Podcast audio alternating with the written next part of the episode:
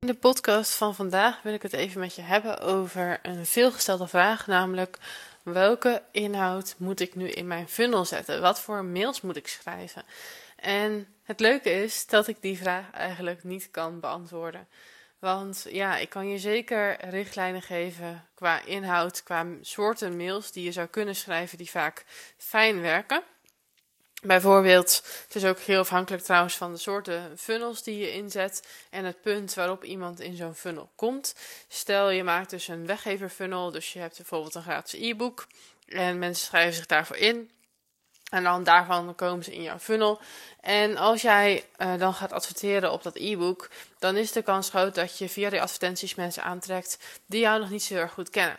En dan is het voor die mensen heel fijn om jou wat beter te leren kennen. Met bijvoorbeeld een mail waarin jij jouw verhaal uitlegt. Dat jij laat zien dat jij een bepaald um, expertise hebt. Dat jij een expert bent in je vak. Dat je weet waar je over praat.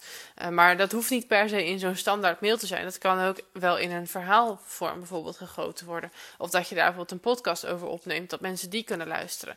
Maar zo moet je dus ook aan de ene kant heel erg nadenken over op welk punt komen mensen in zo'n funnel. Ik weet namelijk dat het heel vaak wordt aangeraden om in iedere funnel jouw verhaal terug te laten komen. Maar dat is eigenlijk niet zo relevant als mensen al veel langer op jouw maillijst staan.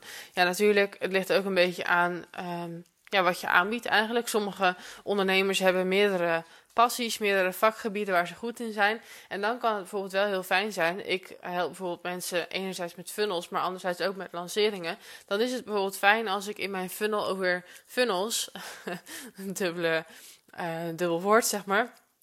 Um, dan is het fijn als ik in die funnel over funnels een verhaal vertel over mezelf van wat voor ervaring ik heb met funnels. En dat als ik dan een funnel maak over lanceringen, dat ik dan daar mijn expertise over lanceringen laat zien. Dus zo kun je wel ook jouw verhaal vanuit meerdere invalshoeken laten zien. Maar wat ik vooral wil zeggen is dat als jij vervolgens meerdere vervolgfunnels gaat maken, ja, dan hoef je niet in iedere funnel weer jouw verhaal terug te laten komen. Want dan denken mensen op een gegeven moment ook van ja, dat weet ik wel een keer. En het is weer herhaling, waar ze dan vervolgens op afhaken.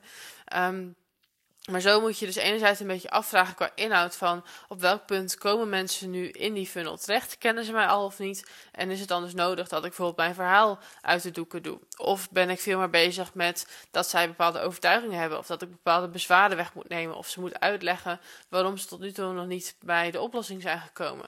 Bijvoorbeeld als je mensen helpt met afvallen is het vaak heel fijn om te laten zien wat voor visie jij hebt um, over of jij een bepaald dieet wilt laten volgen. Of dat jij juist daar uh, geen voorstander van bent. Zodat mensen daar ook een beeld bij kunnen vormen van: oh ja, ik heb dit en dit al geprobeerd. Maar het is eigenlijk logisch dat het niet werkte. En zij heeft een andere visie, zij heeft een andere methode. Waardoor ze zoveel kansen zien voor zichzelf, een toekomstperspectief ook zien. Zodat ze dus uh, betrokken blijven bij jou en jouw visie, omdat jij een andere aanpak hebt. En niet meer ze hetzelfde verhaal probeert uh, aan te smeren als dat een vorige expert dat heeft gedaan.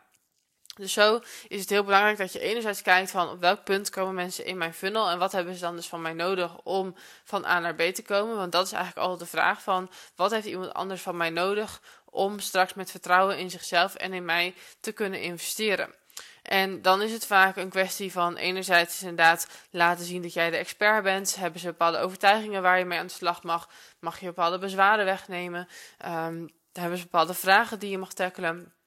En mag je ze ook toekomstperspectief gaan bieden van hoe kan het straks er voor ze uitzien. En zo ook laten zien dat dat behapbaar voor ze is. Want ik heb al eerder gezegd uh, in een andere podcast ook van het heeft vaak niet zo heel veel zin om losse tips te delen. Of om heel erg bang te zijn om te veel van jouw stappen te delen. Want mensen moeten juist weten van welke stappen zet jij, welke methode heb jij. Zodat ze voor zichzelf kunnen zien of zij ook die ladder willen gaan beklimmen. Of zij dat aandurven voor zichzelf. Of zij zichzelf dat ook zien doen.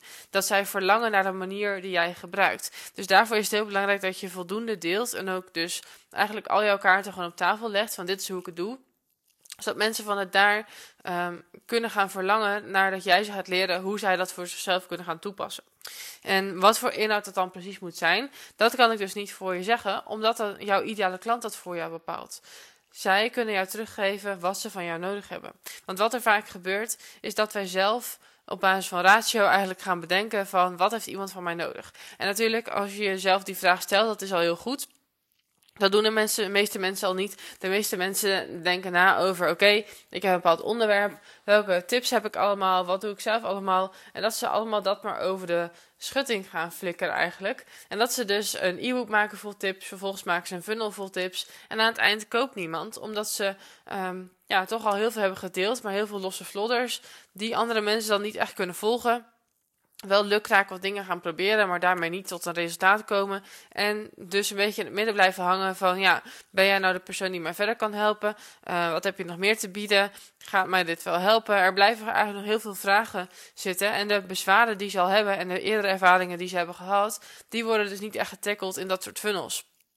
Dus daardoor krijgen mensen ook niet het vertrouwen in zichzelf en in jou om dan met jou verder te gaan. Dus de eerste hele fijne stap is al om jezelf af te vragen van wat heeft iemand nu echt van mij nodig om mij te gaan vertrouwen, maar ook zichzelf te gaan vertrouwen dat hij klaar is voor deze volgende stap. Daarvoor is het heel fijn om de klantreis in je achterhoofd te houden. En dus ook goed na te denken over, nou ja, wat voor stappen heeft iemand dus al gezet? Wat heeft iemand al geprobeerd? Waar staat iemand nu? Zodat je je daar ook in kan inleven.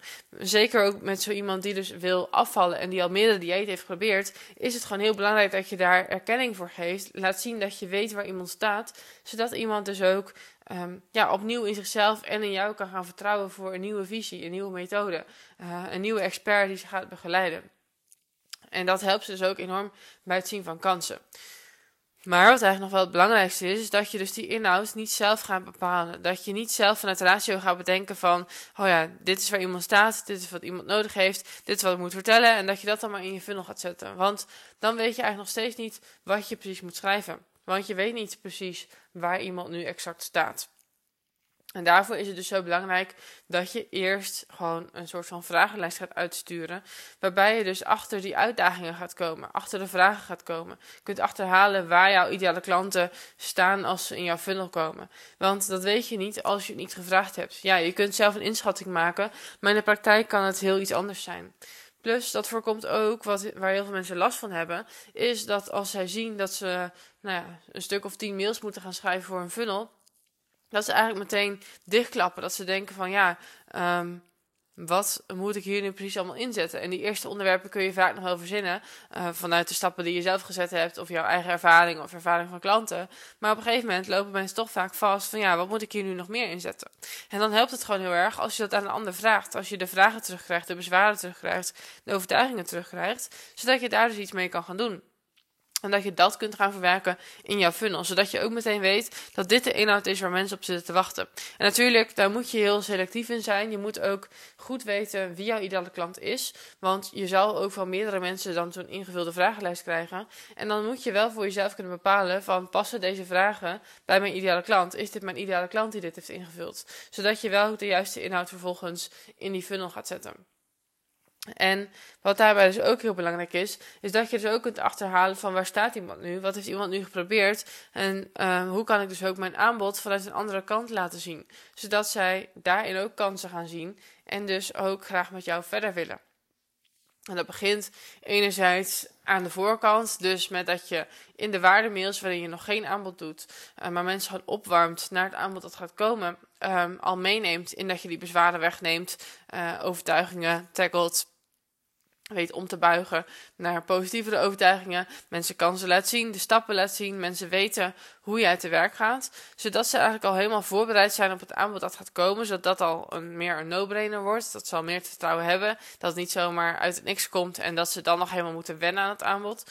Uh, maar dat je dus ook vanuit die vragenlijst kunt achterhalen van wat voor bezwaren heb ik nog te tackelen in die salesperiode.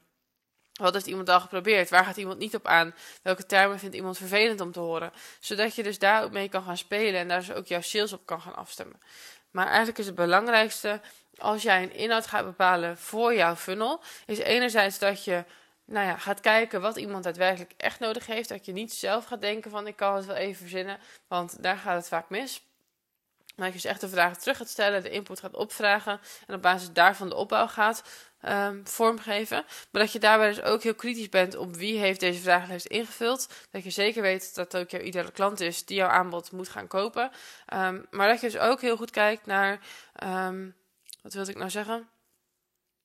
Ehm, naar die klantreis erachter. Dus dat je ook heel bewust gaat kijken naar die opbouw van die funnel. Van wat ga ik in welke fase tegen iemand zeggen. Ehm, bij de ene persoon is het fijn om eerst jouw verhaal uit de doeken te doen. Dat iemand dat vertrouwen heeft in jou en dan klaar is voor meer informatie. Terwijl de ander wil eerst um, ja, gewoon meer informatie krijgen. Die hoeft niet per se jouw expertverhaal te horen. Dus dat is ook een beetje afhankelijk van jouw ideale klant. Maar het is dus heel belangrijk dat jouw funnel ook aansluit op die klantreis. Want vaak als iemand voor het eerst in jouw funnel komt, dan is hij nog bezig in een stukje bewustwording. Dus die is dan gaan het verkennen van wie, en welke experts zijn er allemaal, wie kan mij verder helpen, bij wie voel ik het vertrouwen. En ze hebben het eerste stapje, excuses. Ze hebben het eerste stapje in dat vertrouwen al gezet door die weggever van jou te downloaden. Maar daarna moet je het dus ook gaan doorpakken dan is het dus ook van belang dat jij verder gaat in die overtuiging. En dat je dus heel bewust gaat kijken ook naar die opbouw. Dat je daar ook goed over nadenkt van uh, iemand staat nu ergens bij punt A en die moet naar punt B.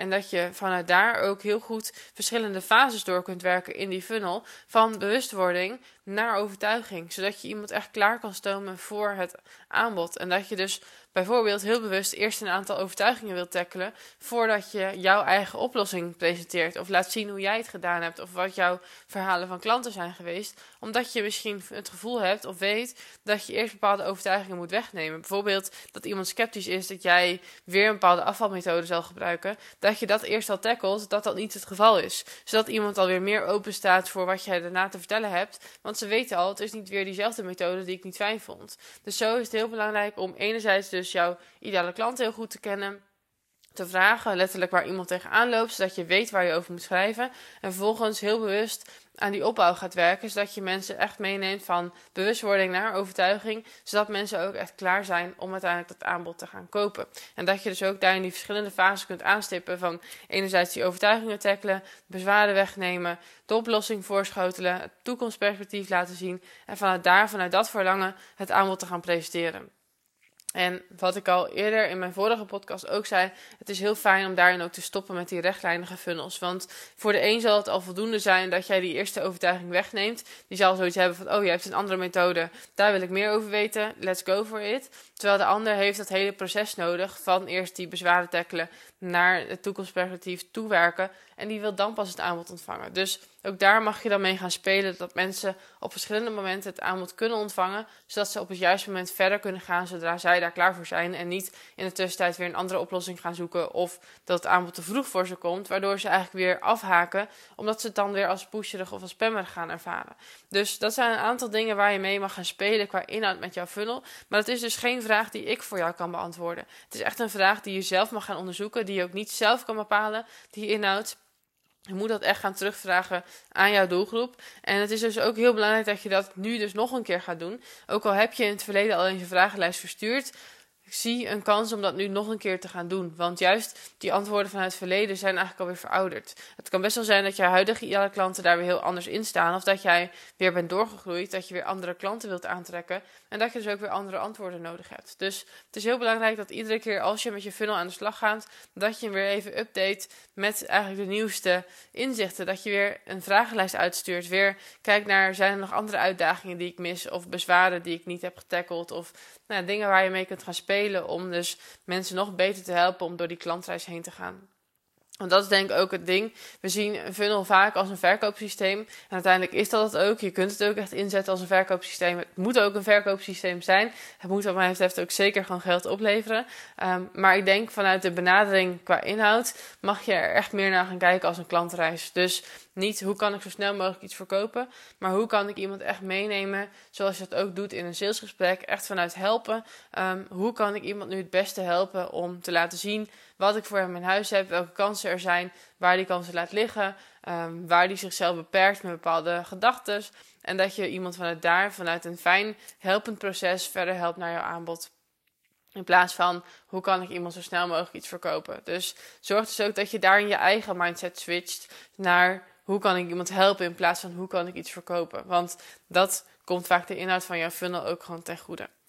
Goed, dat is wat ik je voor nu even wilde meegeven over de inhoud voor funnels. Mocht je daar vragen over hebben, weet je me te vinden op Instagram, Je kunt nog steeds meedoen aan de Passive Pack. We gaan 26 september van start. Uh, daarin ga ik je dus helemaal meenemen ook in hoe je die inhoud nou goed neerzet. Dat je en mensen meeneemt in die klantreis. Dat je ook de juiste vragen stelt, zodat je de input niet meer zelf hoeft te bedenken. En dus ook mensen veel meer gaat meenemen.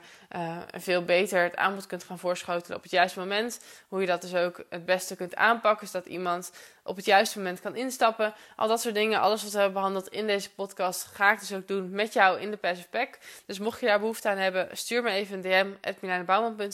Dan stuur ik je het meest recente aanbod door. Um, en ja, verder zou ik zeggen nog een hele fijne dag en tot in de volgende podcast.